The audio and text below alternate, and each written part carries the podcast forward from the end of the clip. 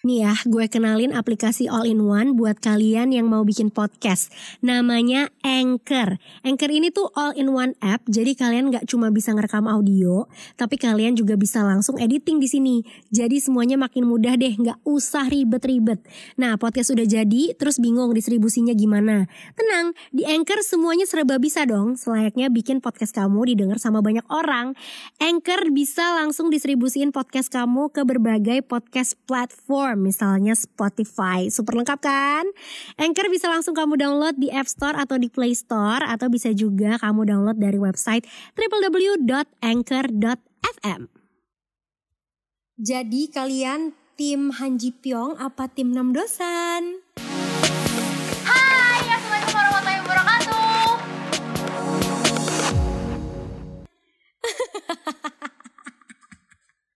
Sebuah opening podcast yang memancing amarah para pemirsa. Tapi nggak apa-apa, silahkan dijawab pemirsa-pemirsa tim yang mana. Karena hari ini kita akan bahas tim Han Ji Pyong versus tim Namen Dosan. Pastinya di podcast terbaru dari gue Tiffany Afifa. Lalalala. Di mana di podcast yang ini gue bakal random sih ngomongin apa aja yang pengen gue omongin. Um, dan sekarang nih uh, berhubung besok akan tayang episode terakhir dari drama yang menurut gue fenomenal. Kenapa fenomenal? Karena bener-bener ya terbagi dua tim. Maksudnya di drama-drama sebelumnya juga terbagi dua tim gitu. Cuman ini tuh masing-masing tim punya anggota yang kuat sekali ya. Alias uh, ributnya kok ribut banget gitu gue lihat-lihat di sosial media gitu yang bener-bener baper-baperan banget ngalah-ngalahin pemilihan presiden guys nih ya menurut gue ya. Gue liat di Twitter, di Instagram, berantemnya tuh udah mulai baper sampai katanya tuh ada yang unfollow-unfollowan karena beda tim, ada yang keluar dari grup WhatsApp, ada yang berantem sama kakak adiknya karena beda tim gitu ya. Menurut gue kayak kenapa lu gitu. Cuman ini menjadi sebuah fenomena sih uh, di dunia perdramaan karena gue itu sebenarnya udah lama banget nonton drama Korea, mungkin dari zaman kalian belum lahir. Oke nggak selama itu, tapi mungkin waktu kalian TK atau SD gitu ya. Kayak gue udah lama banget nonton kayak drama. Terus intens banget semenjak suka K-pop, berarti 10 tahun terakhir itu gue intens banget juga nonton K-drama. Bahkan sering yang kayak bener maraton gitu.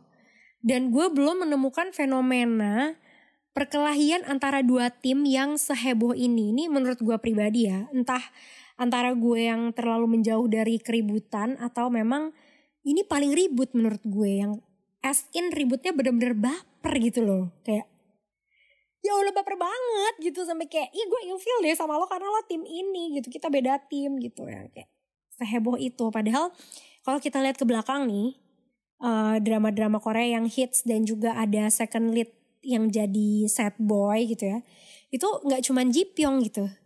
Kayak yang paling terkenal mungkin kayak Reply 1988 ya Reply 1988 itu ada tim Jungpal ada tim Choi Taek gitu. Cuman pada saat itu menurut gue nggak seheboh ini tapi waktu gue tweet kayak gitu terus ada yang bilang enggak waktu dulu juga berantem gitu. Terus gue yang kayak gue nggak pernah merasa ada di sebuah lingkungan sosial media yang atau dunia sosial yang gak media nih sosial in real life yang seberantem ini ini kayak baru sekali gitu. Gue dulu tim Jungpal teman-teman gue banyak yang tim Coitek ya gue kayak ya udah gitu. Kayak ya udah mereka juga ya udah gitu. Terus gue kayak akhirnya jadi sama Coitek gue sebagai tim Jungpal kayak sedih tapi ya udah aja gitu kayak ya gimana sih penulisnya sedih banget gitu. Nah kalau drama ini tuh kayak si startup ini tuh sampai ah, kacau banget Terus kayak hospital playlist. Ada tim Ikjun sama tim siapa ya? Cihong kali ya. Gimana sih nggak ada leadnya sih. Pokoknya ini juga ada set boynya lah. Tapi nggak pakai berantem. Terus Extraordinary You, ya kan? Itu juga nggak berantem gitu ya kayak set boy tapi nggak berantem gitu. Terus 18 Again juga uh, Gojasong yang akhirnya kalah dengan pesona Bomin gitu kayak ya udah gitu gue sebagai tim Jasong juga kayak ya udah gitu nggak ada yang berantem juga gue liat-liat Terus apa lagi ya? Oh, kayak Jisoo. Jisoo itu kan salah satu icon set boy ya, alias second lead yang selalu jadi set boy dia di mana-mana mau Scarlet Heart, mau AP, pokoknya selalu jadi set boy si Jisoo ini. Tapi nggak pernah ada uh, perkelahian atau pertengkaran yang seheboh ini sampai semua media blow up sampai kafe-kafe ikutan pakai apa namanya strategi marketing. Tim enam dosan tim Han Ji Pyong gitu ya guys sih ya kan? Which menurut gue kayak ngapain sih guys? It's just a drama dan kayak uh, gue dulu pas awal-awal sempat ikutan lucu-lucuan. Maksud gue gue pikir ini kayak uh, drama pada umumnya gitu kayak gue ikutan gue tim Han Ji Pyong gitu jadi buat teman-teman yang follow gue di sosmed atau teman-teman yang juga in real life pasti tahu kalau gue anak eh, gue tim Han Ji Pyong sejati gitu. Gue pas awal-awal kayak iya tim Han Ji Pyong lah. Han Ji Pyong gini-gini, enam dosen kan gini-gini. Gue dulu masih ikutan gitu karena gue ngerasa kayak ya udah ini seru-seruan aja kayak gue biasanya nonton drama gitu. Yang ternyata ini udah gak seru-seruan lagi men. Semakin ke belakang Udah udah pada baper dan segala macem. Terus gue pusing gitu Kayak udah deh gue sekarang gak mau ikutan lagi uh, Terlalu vokal Han Ji Pyong gitu. Gue cuman kayak sekali sekali aja dan gak terlalu kayak biasanya kan gue anaknya suka bercanda yang kayak iyalah Ji Pyong gini gini dosan gini gini gitu. Sekarang udah gak berani gitu. Segitunya segitunya karena emang sebaper itu orang-orang yang menurut gue ngapain sih gitu. Ini tuh it's just a matter of personal taste alias selera pribadi kalian gitu. Kayak ibaratnya in real life gitu kalian punya selera dalam mencari teman ya kan?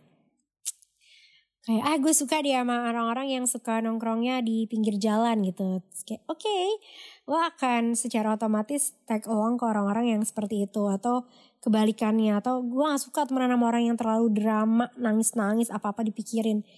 Lo akan drift apart dari orang-orang kayak gitu dan berkumpul dengan sejenis lo yang anak yang cuek-cuek dan segala macam gitu. Itu kayak personal taste kan kayak selera pribadi lo. Nah, menurut gue Ji Pyong dan Nam Dosa nih juga kayak gitu. Mirip juga kayak uh, kayak tipe cowok gitu kayak in real life kalau misalnya ditanya gitu ya sama temen lo tipe cowok lo kayak gimana sih ah tipe cowok gue tuh yang kayak cuek terus kayak gini-gini atau tipe cowok gue tuh yang kayak bucin gitu nah itu tuh kayak tipe gitu. Nah Nam Dosan dan Han Ji Pyong juga tipe gitu. Tipenya Dalmi mungkin yang kayak Nam Dosan ya dan beserta tim-tim Nam Dosan gitu. Nah sedangkan buat gue dan tim Han Ji Pyong tipe cowok kami ya kayak Han Ji Pyong gitu yang mungkin bikin frustras bikin frustasi kayak gerak dong lo gitu. Kayak lo agresif dong gitu. Tapi ya gitu tapi ya tahu gemes gitu. Emang suka yang kayak gitu nyusahin nyusahin diri sendiri. Jadi kayak gue ngelihat orang-orang yang kayak beneran berantem like Ji Pyong dan Nam Dosan itu merebutkan dia gitu kayak padahal siapa pun yang menang tidak untuk kamu. Bukan untuk lo. Open your eyes open your mind snap snap wake up gitu. Tim siapa pun yang menang bukan untukmu. Jadi ngapain berantemnya gitu banget gitu menurut gue ya. Oke okay, uh, eh, karena sekarang kita bakal bahas tim Nam Dosan dan Han Ji Pyong ini gue melihat uh, uh, kedua tim tuh sama-sama kuat ya kalau dari Nam Dosan gitu ya tim Nam Dosan tuh pertama uh, masih minoritas nih waktu itu. Belum terlalu vokal kayak tim Han Ji Pyong. Yang gue lihat-lihat nih yang gue lihat-lihat di uh, sosial media gitu. Kebanyakan tuh kayak awal tuh wah oh, Han Ji Pyong Han Ji Pyong Han Ji Pyong. Sampai orang-orang yang suka enam dosan tuh kayak ih anjir gue minoritas gue nggak berani deh ngomong gitu. Kayak gue sebenarnya enam dosan. Sampai suatu hari semakin ada semakin episode bertambah semakin kayak simpatisan enam dosan bertambah kan wah semakin lah itulah yang membuat Jipyong tim Han Jipyong juga semakin vokal tapi disambut dengan tim Nam Dosan yang vokal, Nam Dosan yang vokal. Plus lagi artis-artis ikutan kan.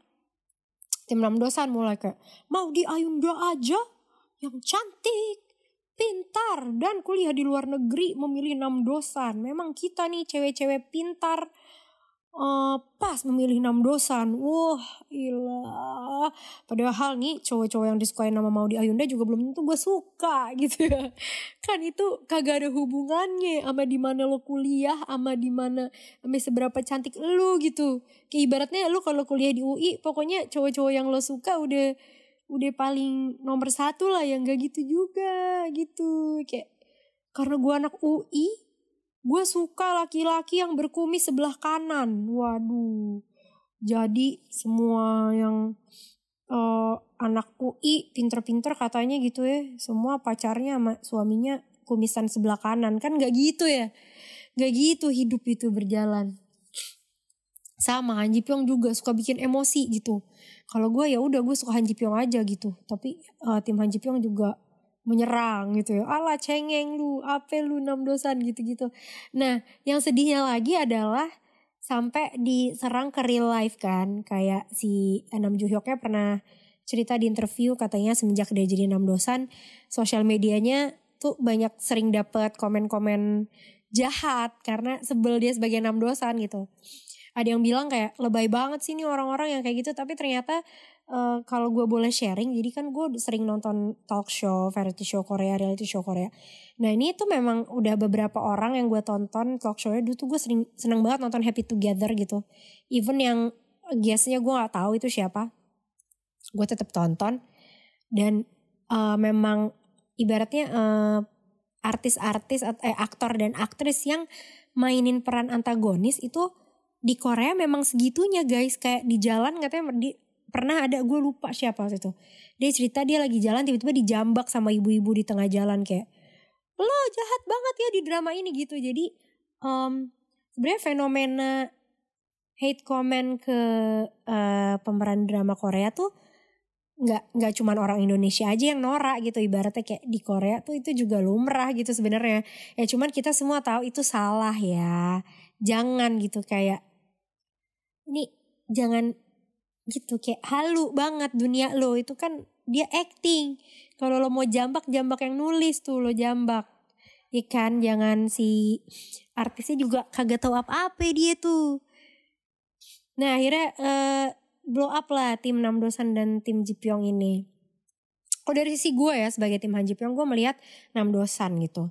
Uh, banyak yang bilang uh, ah nah, tim Han Jipyong mah maunya sama cowok yang udah jadi nggak mau berusaha dari nol. Wait salah pemirsa. Memang kalau misalnya mau dilihat dari enam dosanya sendiri uh, gue bisa relate in terms of oh sebagai orang yang masa masih uh, usia nggak terlalu tua gue nggak muda juga sih tapi nggak terlalu tua gitu. Terus dia memulai bisnis bersama teman-temannya terus kayak ada naik turun naik turunnya itu kayak mereka nggak menyerah oke okay, oh that's so adorable. Dan katanya banyak teman-teman yang kerja di startup atau memulai startup juga bisa relate jadinya sama dosan oke okay, uh, that's good gitu. Itu juga poin plus dia nggak pernah menyerah dan segala macam. Cuman yang menurut gue kekurangannya adalah at some point dia tuh indecisive gitu. Makanya sampai Jepang bilang lo tuh perlu CEO karena sebagai uh, individu untuk mengambil keputusan lo tuh uh, kurang tegas gitu mengambil keputusannya dan suka kurang tepat gitu. Mungkin karena dipicu dengan ya masa lalunya dia itu kan. Uh, dia uh, bohong sama bapaknya terus dia menjalani hari-hari krusialnya dia sebagai remaja tuh men, apa ya menyembunyikan kebohongan gitu dia jadi mungkin gak pede dengan langkah-langkahnya dia jadi lebih minder bla bla bla. Tapi ya udah uh, menurut gue ibaratnya itu bukan suatu hal yang bisa membuat gue jadi semua sifat dia yang gue nggak suka jadi terbenarkan gitu ibaratnya. Kayak ya itu selera gue sih gitu. Kayak ya menurut gue mesti tegas aja kalau cowok gitu ngambil keputusannya. Kalau lo gagal ya udah uh, kayak bear the consequences gitu. Tapi you have to be um, tegas gitu itu yang gue uh, nggak lihat dari dosan yang sebelum dia ke ke itu ya tusto ya. Habis itu kayak uh, ini sering banget diomongin sama teman-teman kayak tim Han Ji Pyong gitu kayak lo cengeng banget sih gitu nangis mulu. Kayak teman-teman gue tuh kayak gila ya tiap episode nangis mulu nangis mulu ape-ape nangis gitu. Nah kalau gue pribadi sih gue bukan tipe cewek yang kayak cowok tuh nggak boleh nangis gitu kayak ya lah kasihan amat emang cowok robot gitu ya kayak menurut gue cowok nangis nangis aja. Cuman memang si enam dosan ini di dramanya di awal-awal tuh digambarinnya kayak lemah banget gitu loh. Kayak apa-apa nangis apa-apa nangis? gitu. Mungkin uh, jadi banyak yang tertrigger gitu. Sama kalau gue pribadi sih lebih ke apa ya si uh, enam dosan ini lebih ke kebohongannya. Kayak oke okay, uh, kebohongannya pertama dibuat oleh Jipyong dan juga Harmony gitu. Dan salah Jipyong juga ini juga gue yang gue sayangkan dari Jipyong dia nyuruh uh, dosan untuk acting gitu. Untuk bohongin Dalmi yang akhirnya Jipyongnya ke eh Jipyong yang akhirnya uh, dosannya keterusan suka gitu kan. Ngerti gak lo? Uh, apa namanya dosannya suka. Terus tadinya dia mau ngaku nggak boleh sama Jipyong which gue juga benci sama Jipyong di situ. Kayak kecewa gue kayak kenapa sih? gitu. Sampai akhirnya Jipyongnya yang pengen dosannya jujur malah dosannya nggak mau dengan alasan yang gue nggak bisa terima gitu. Gue gak bisa terima banget alasannya kayak karena gue nggak mau melihat Dalmi menangis kayak nggak gitu. Nggak tahu sih.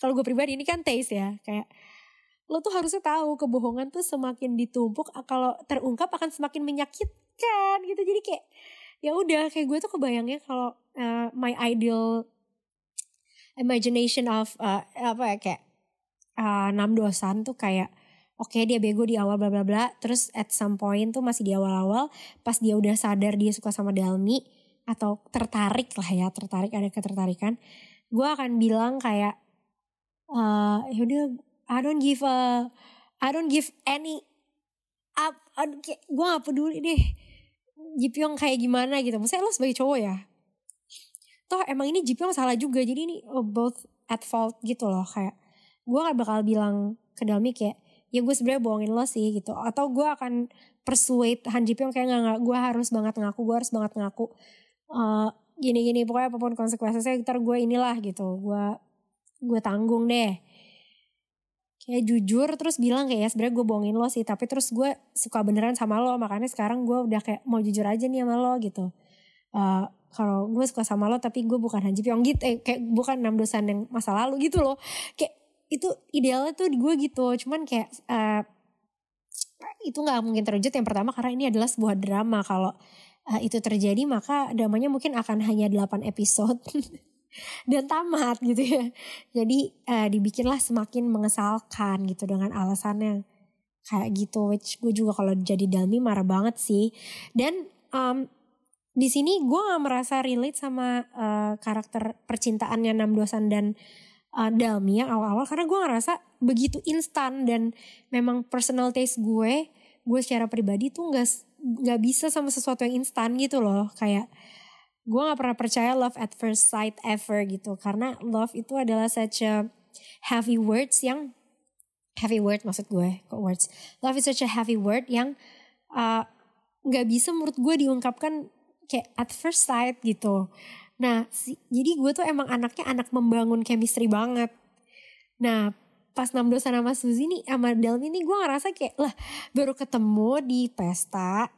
Oke. Okay, ganteng dan cantik ya ternyata gitu. Mungkin jadi kayak ibaratnya gue gitu uh, tiba-tiba uh, blind date yang muncul uh, Kim Son Ho gitu. Pasti gue juga ada kayak ih lucu gitu.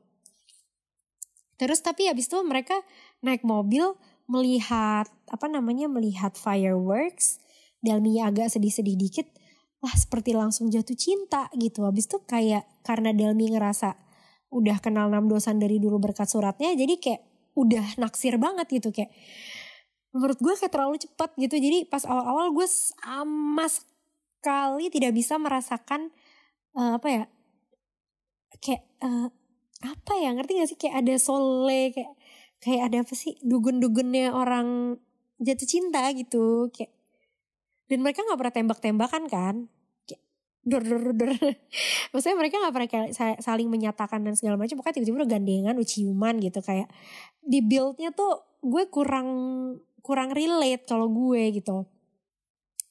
Oke itu enam dua sana. Sekarang ke Han Ji Pyong nih ya. Han Ji Pyong memang uh, kita bahas tuh kayak pas dari kecilnya gitu uh, oke okay, nggak nggak kayak gitu caranya Tiff oke okay, gini sekarang uh, Han Ji Pyong gitu ya sebagai seseorang yang digambarkan pas ketemu enam dosa nih pas udah gede tuh ya dia udah punya jabatan ya manajer gitu di sebuah perusahaan yang uh, wow gitu ya di sana di startup tuh kayak dewa gitu. Um, terus uh, what I like about him adalah gue melihat pas dari kecil dari kecil nih aku udah dari udah jatuh cinta sama karakter dia tuh dari mulai dia kecil. Kayak uh, kayak apa ya ngerasain struggle-nya dia gitu loh. Kayak dia yatim piatu tinggal di panti asuhan udah gede nggak ada yang adopsi mesti keluar dari panti asuhan ya bayangin nggak? Kayak lo tuh hidup eh, terus gue nggak bayangin dia juga kayak banyak di minder gitu ya banyak dipandang sebelah mata sama orang terus tiba-tiba at some point dia harus hidup sendiri keluar dari panti asuhan nggak punya duit gitu dia cuma punya si apa namanya papan kemenangan yang uang virtual itu gitu dia nggak bisa ke mana-mana desperate, marah sama kehidupan gitu kan. Tiba-tiba ketemu sama Harmony yang kayak uh, baik gitu, baik sama dia tapi dia tuh udah terbiasa dia tuh udah terbiasa apa ya? Aku tuh melihatnya dia tuh udah terbiasa. Dia tuh nggak bukan udah terbiasa. Dia nggak biasa dibaikin sama orang gitu. So he doesn't know how to how to react to people's kindness gitu loh. Kayak itu uh, itu yang dia kurang gitu kayak makanya dia masih kasar dan segala macam masih banyak banget distrust dia punya trust issue yang begitu besar dari zaman dia kecil yang membuat uh, personalitinya jadi kayak gitu. Mungkin kalau dilihat emang gak indah banget gitu kayak Ternyata masih banyak ya yang nggak tahu gimana caranya buat podcast. Padahal caranya gampang banget loh. Kita cuma perlu download aplikasi namanya Anchor dari App Store atau Play Store. Nah di Anchor kamu nggak cuma bisa ngerekam audio doang, tapi kamu juga bisa langsung editing di sini. Mulai dari nambah lagu, efek dan lain-lainnya pokoknya. Nah di Anchor podcastmu juga bisa langsung didistribusiin ke platform podcast lainnya kayak Spotify dan lain-lain deh pokoknya. Makin cepet kamu download Anchor dan bikin podcast kamu semakin cepat juga kamu bisa didengar sama banyak orang. Uh, kasar, curigaan, dan segala macam gitu. Tapi kayak itu juga karena masa lalunya, which itu juga terjadi sama dosan. Dan kayak yang tadi gue bilang kayak gue nggak membenarkan sifat itu gitu. Udah sayang banget dan itu mesti dibenerin gitu menurut gue. Tapi tiba-tiba dia uh, dengan segala drama-drama masa kecil berpisah dengan Harmony yang aduh manis banget gitu. Itu lagu tuh paling gak bisa sebenarnya. Mungkin salah satu yang bikin gue cinta banget sama Ji Pyong adalah karena karakter karakter build, buildingnya dia tuh bagus banget. Di mana dia tuh punya scene-scene yang begitu heartwarming sama si Harmoninya dari dia kecil gitu. Dan gue personally emang gak bisa kalau scene-scene keluarga kekeluargaan gitu dibanding scene-scene cinta gue tuh kayak elah cinta gitu. Tapi kalau keluarga tuh kayak gue nggak bisa banget. Jadi gue emang udah hooked sama karakter Jipyong tuh dari dia kecil gitu. Terus ternyata tiba-tiba dia sukses gitu kan. Kayak bayangin gak sih? Masa uh, kalau misalnya dibilangin ah gila tim Han Ji Pyong mah nggak mau mulai dari nol. Sukanya cowok-cowok yang uh, udah sukses loh. Kalau in my defense ya kalau ngeliat Han Ji Pyong gitu. Secara dia second lead kan nggak mungkin diceritain. Jadi this is not his world gitu. This drama is not his world uh, to begin with gitu. Jadi nggak dijelasin lah per apa ya uh, strugglingnya dia untuk dari nggak punya apa-apa dia main saham itu terus menang banyak sampai akhirnya bisa sesukses waktu uh, pertama kali dia muncul ada di saat dia dewasa itulah di sandbox gitu. Karena itu tuh udah pasti juga banyak struggle-nya jatuh bangun dan segala macam pitam nunmul kalau kata BTS gitu kan. Jadi mungkin itu orang-orang juga yang tidak terhook sama GP yang waktu kecil dari situ kayak ah tiba-tiba lo udah kaya gitu terus uh, dilawanin sama orang yang lagi merintis gitu. Memang uh, sesuatu yang fragile tuh menjadi lebih membuat kita tertarik gitu karena kayak aduh pengen ngurusin deh gue gitu ya gak sih? Nah kalau dari Ji tuh gitu. Terus dia anaknya gue sukanya adalah dia tuh act of service banget anaknya. Nggak sweet talk. Karena gue benci banget orang-orang yang benar-benar kayak sweet talk tapi no actions gitu. Kayak lo gak usah banyak omong udah lo lakuin aja. Dan gue emang tipe yang suka yang kayak gitu. Kayak diem-diem tapi lo nggak bantuin gue gitu. Diem-diem tapi lo sayang sama gue. Lo nggak usah keluar-keluar sama orang eh gue sayang sama dia gue sayang sama dia. Tau gak sih? Gitu. Terus baru lo ngelakuin hal-hal baik supaya orang-orang tahu gitu. Kayak gue cukup kayak even gue nggak tahu juga nggak apa-apa gitu. Kayak karena menurut gue itu kayak sweet banget. Kayak oh berarti lo tuh tulus. Emang bener-bener sayang sama gue bukan karena pengen kelihatan sama orang atau lo pengen gue nilai lo tuh manis sama gue gitu. Ya itu kan tipe ya. Tipe gak sih? Jadi aku tuh udah hook banget sama Jipyong juga di situ karena uh, in terms of cara dia menyukai atau mencintai Dalmi tuh uh, tipe aku gitu act of service terus kayak orang-orang kayak ah tapi dia uh, pengecut banget gitu dia tuh nggak mau ngaku kalau dia suka sama Dalmi bla bla bla. Looking back lagi, dia pas awal-awal juga sama Harmony denial gitu loh. Ngerti nggak? Kayak memang dia dengan eh, dengan hal-hal yang telah dialami dia anaknya kayak gitu. Mungkin tidak bisa cepat memvalidasi perasaannya gitu. Karena yang gak ngerti mungkin dia ngerasa gak pantas disayangi atau tidak pantas menyayangi atau apa gue gak ngerti gitu. Pokoknya ya memang dia orangnya kayak gitu. Dan itu nggak cuma terjadi di Dalmi itu sama Harmony juga. Dia nggak mau mengakui juga kalau dia sesayang itu sama Harmony malah uh, ngasih kata-kata kasar nyuruh pergi dan segala macam gitu jadi ya that's him gitu. Terus um, yang gue nggak suka dari dia adalah bohong. Karena buat gue bohong adalah suatu hal yang uh, kurus kayak aduh kalau udah udah bohong udah deh gitu. Nah sebenarnya kalau waktu pas dari kecil gue nggak masalahin ya karena pun yang nyuruh tuh harmoninya dan uh, harmoninya nyuruh itu dia nggak bantuin aja gitu. Kayak ya karena mau baik aja dan ternyata uh, ngerasa cocok balas-balasan gitu kan kayak ya udah gitu. Nggak ada nggak ada niat untuk membohongi Dalmi untuk kepentingan dia gitu ibaratnya gitu. Nah sayangnya pas waktu gede ini dia melakukan hal yang sama.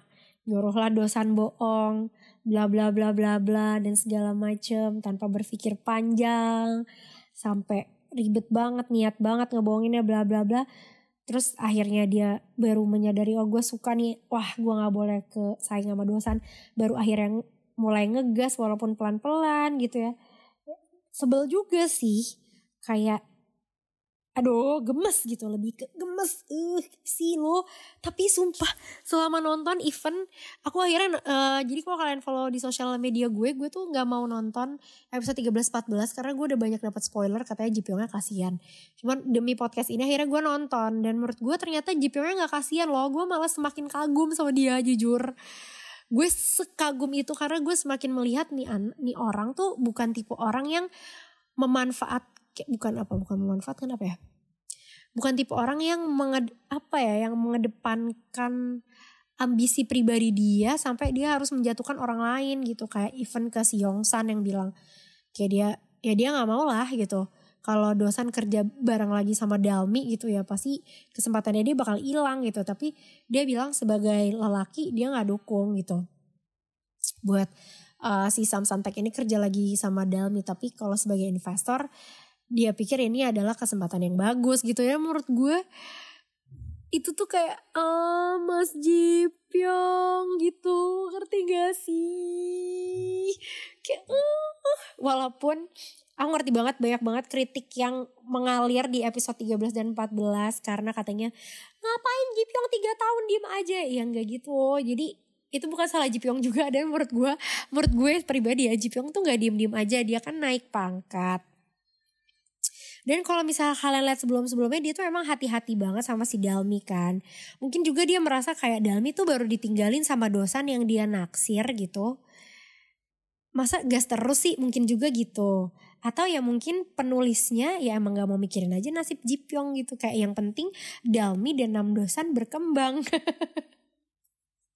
Karena gue juga banyak diskusi sama teman-teman gue yang ah apa namanya yang juga lumayan sering uh, mengomentari film-film lain lah selain kayak drama juga gitu kayak gue gue nggak suka sih sama penulisnya gitu kayak kenapa sih dia tuh nge-build uh, karakter Han Ji Pyong yang begitu kuat dengan suratnya dari episode 1 sampai semua cerita ini tuh ibaratnya bermula dari suratnya Ji Pyong tapi karakternya Ji Pyong tuh nggak di develop dengan baik di episode 13-14 maksudnya in terms of dia dan Dalmi dan surat-suratnya gitu ya.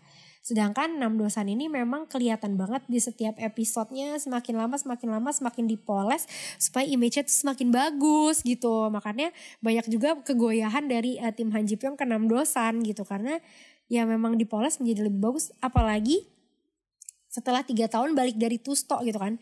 Jadi nggak nangis nangis lagi. Jadi bisa lebih tegas nolak Dalmi dan segala macam gitu.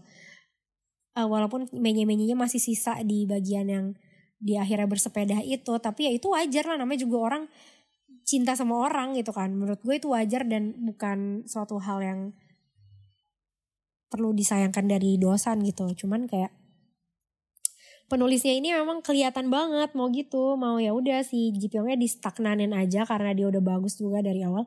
Di, si dosannya dipoles semakin bagus. Dan semakin ke sini malah banyak yang uh, benci sama Dalmi uh, gue kemarin sempet kayak pas dengar spoiler spoiler dan cerita cerita orang gue sempet kayak ayo gue juga udah deh nggak usah sama Dalmi deh gitu. Karena uh, gue ngerasa oke okay, di episode 13 14 Dalmi jahat banget nih. Tapi setelah gue tonton sendiri biasa aja sih. Kayak Dalmi nggak jahat jahat aman menurut gue kayak um, banyak yang bilang kayak Dalmi tuh memanfaatin doang dia pengen ngerekrut dosan balik lagi ke perusahaannya karena kalau nggak dia dipecat gitu. Tapi menurut gue gue melihat dari tatapan dan ya lah kayak kenal banget gue sama Dalmi. Kayak gue ngeliat dari Dalminya tuh dia ada ketulusan memang pengen kerja lagi sama uh, dosan sih karena memang masih naksir ya gak sih? Gimana menurut kalian? Menurut gue sih kayak gitu. Jadi bukan uh, sekedar memanfaatkan tapi memang dia masih ada rasa sama si dosan gitu dan angin-angin segar ke Jipyong nih gue nggak melihat gitu di 13-14 gitu. Kayak tim dosan tuh masih ada yang kayak nggak tahu Tiff. Kayak soalnya uh, kalau lihat di 13 tuh 14 gue lupa uh, si Dalmi tuh masih mikirin Jipyong loh. Masih ada masih ada kesempatan masih ada gini-gini. Yang menurut gue nggak gue nggak melihat ada kesempatan nih uh, di episode 13-14 untuk Mas Jipyong. Itu kayak biasa-biasa aja. Dalminya juga masih gitu-gitu aja nggak ada nggak ada perkembangan perasaan menurut gue ke Jipyong kayak biasa aja gitu. Tapi memang menyampai sebuah kesimpulan uh, sampai pada sebuah kesimpulan di gue gitu gue gue pribadi sebagai dari awal tim Jipyong gitu gue sekarang udah gak peduli karena uh, gue udah tahu he will uh, I mean she will ended up with uh, bukan ended she will ends up with uh, Nam Dosan anyway. Tapi I don't want Nam I don't want Han Jipyong to be um apa ya terlalu sakit gitu. Kayak ya udah semoga dia legowo gitu dan menemukan kebahagiaannya gitu. Jadi gue lebih ke sebagai tim Han Ji Pyong gue gak mau Ji Pyong sama Dalmi juga sih kayak udah Pyong lu kagak sama Dalmi udah. Dalmi tuh kagak lihat lu takut dia kejedot lu ape lu ape. Dia bukan tipe yang ngeliat cowok kayak lu udah gitu. Sama gue aja. Jadi lebih ke situ sih lebih ke udah gak mau Jipyong sama Dalmi gitu. Kayak udah Dalmi itu udah pasti sama dosan tapi Jipyong semoga kamu menemukan kebahagiaanmu gitu loh. Huh. karena aku tuh banyak banget sin sin Jipyong yang kayak ada aku lupa deh. Pokoknya dia oh kalau nggak salah yang dia abis nangis nangis uh, nyamperin Harmony karena dia tahu Harmoninya uh, keadaan matanya udah mulai apa uh, berkurang gitu yang abis gebuk-gebukan nama dosan yang abis itu dosannya abis ngegebukin Han Ji Pyong minta ditolongin. Gue yang kayak e, halo kamu kamu baru saja memukuli mentormu karena uh, bukan karena yang bukan kesalahan mentormu. Terus abis itu kamu menangis dan mentormu me, kayak Han Ji Pyong mengeluarkan kalimat yang begitu bijak tiba-tiba dia minta ditolongin lah.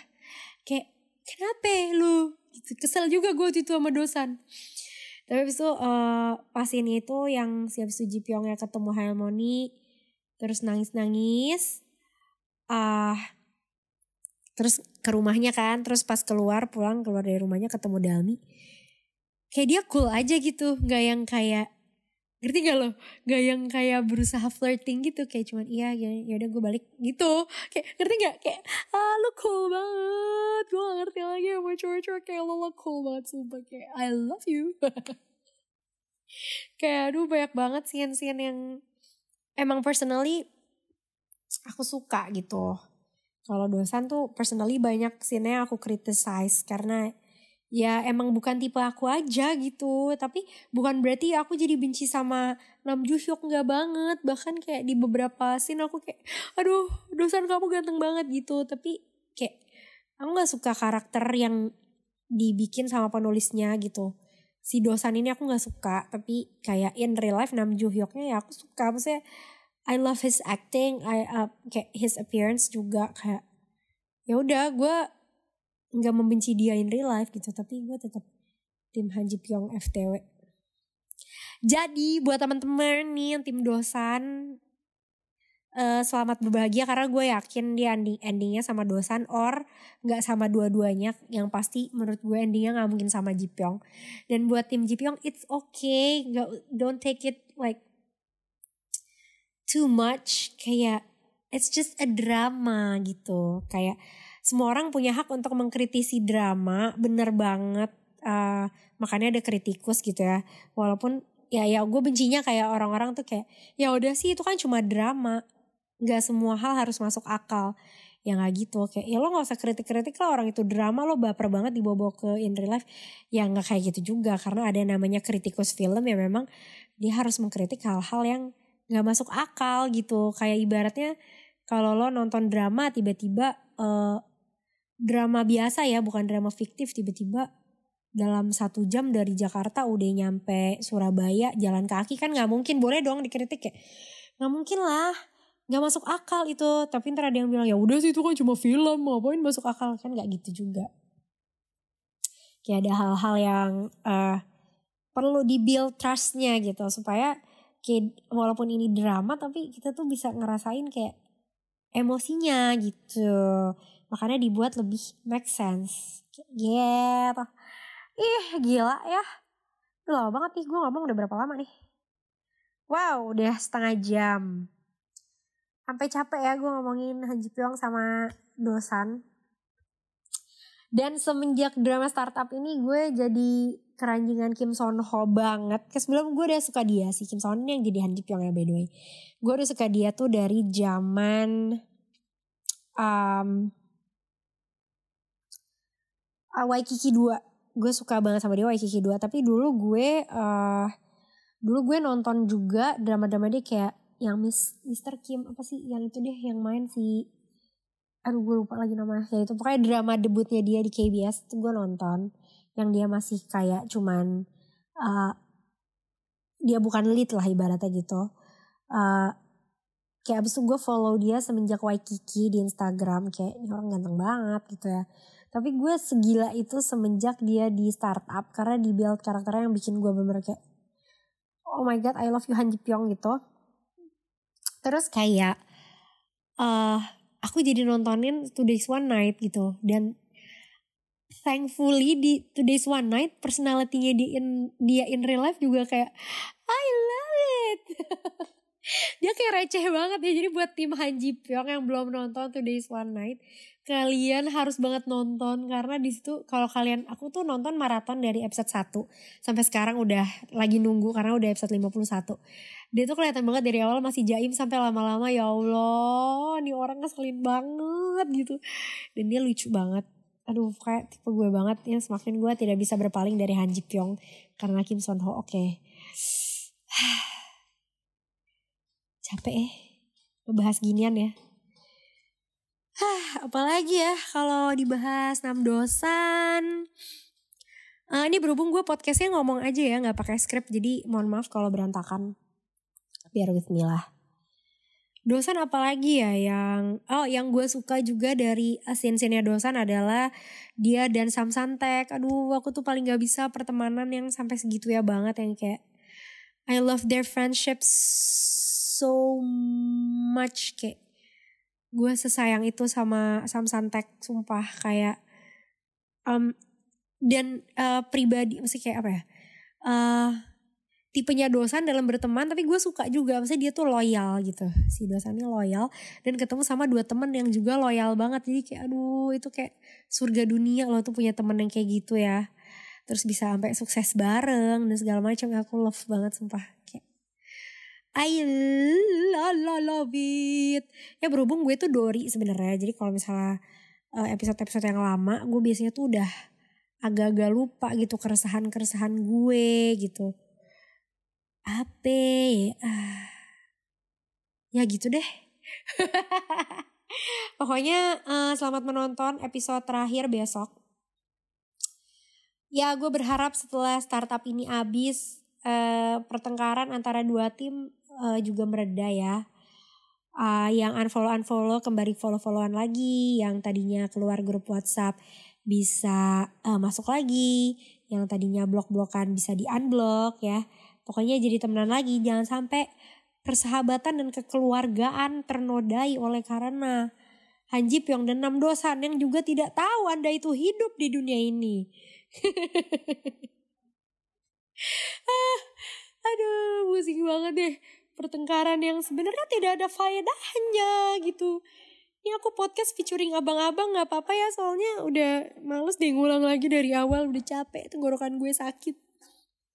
Jadi begitulah guys uh, pembahasan tim dosen dan tim Jipyong hari ini. Uh, pesan lagi terakhir ingat it's just a matter of personal taste itu hanyalah uh, masalah selera masing-masing. Jadi ya udah tidak usah saling menyerang seperti aku dan sisterku Lintang. Dia tim dosen, aku tim Jipyong, tapi kami tetap saling menyayangi gitu. Dia menyayangi dosen, aku menyayangi Jipyong. Uh, dan aku dan Lintang saling menyayangi, tidak tidak tidak tidak bertengkar juga gitu jadi udah ya udahlah gitu uh, kembali lagi seperti drama-drama sebelumnya dan um, uh, gue sangat um, looking forward uh, drama apa lagi abis ini yang bisa bakal bikin seheboh ini karena ini mungkin karena uh, pandemi juga jadi banyak juga teman-teman gue yang tadinya nggak nonton drama dan benci banget Korea sekarang jadi tertarik dan nontonin drama-drama Korea terutama startup ini gitu ya. Jadi gue benar looking forward ada drama apa lagi yang benar bisa me apa nih menarik perhatian even orang-orang yang gak suka Korea gitu tadinya. Ayo muncullah writer name. Tapi kalau misalnya sekarang ditanya drama apa yang lagi gue tunggu banget itu adalah Hospital Playlist 2. Plus sumpah gue pengen banget ada yang bikin kayak gue pengen banget reply series berlanjut ada reply tahun selanjutnya please banget karena menurut gue masih nomor satu drama dengan plot twist ter ter ter ter dengan jalan cerita ter ter ter ter itu reply di mana setiap episode tuh lo kayak dibikin aduh anjir siapa sih suaminya gitu kayak ngerti gak sih kayak I need that feeling again now gitu ya gak sih ya dong Hah, baiklah sudah gue sudah lelah uh, membicarakan tentang Jipyong dan Dosan ini. Uh, salam damai dari gue sampai bertemu di podcast selanjutnya. Annyeong.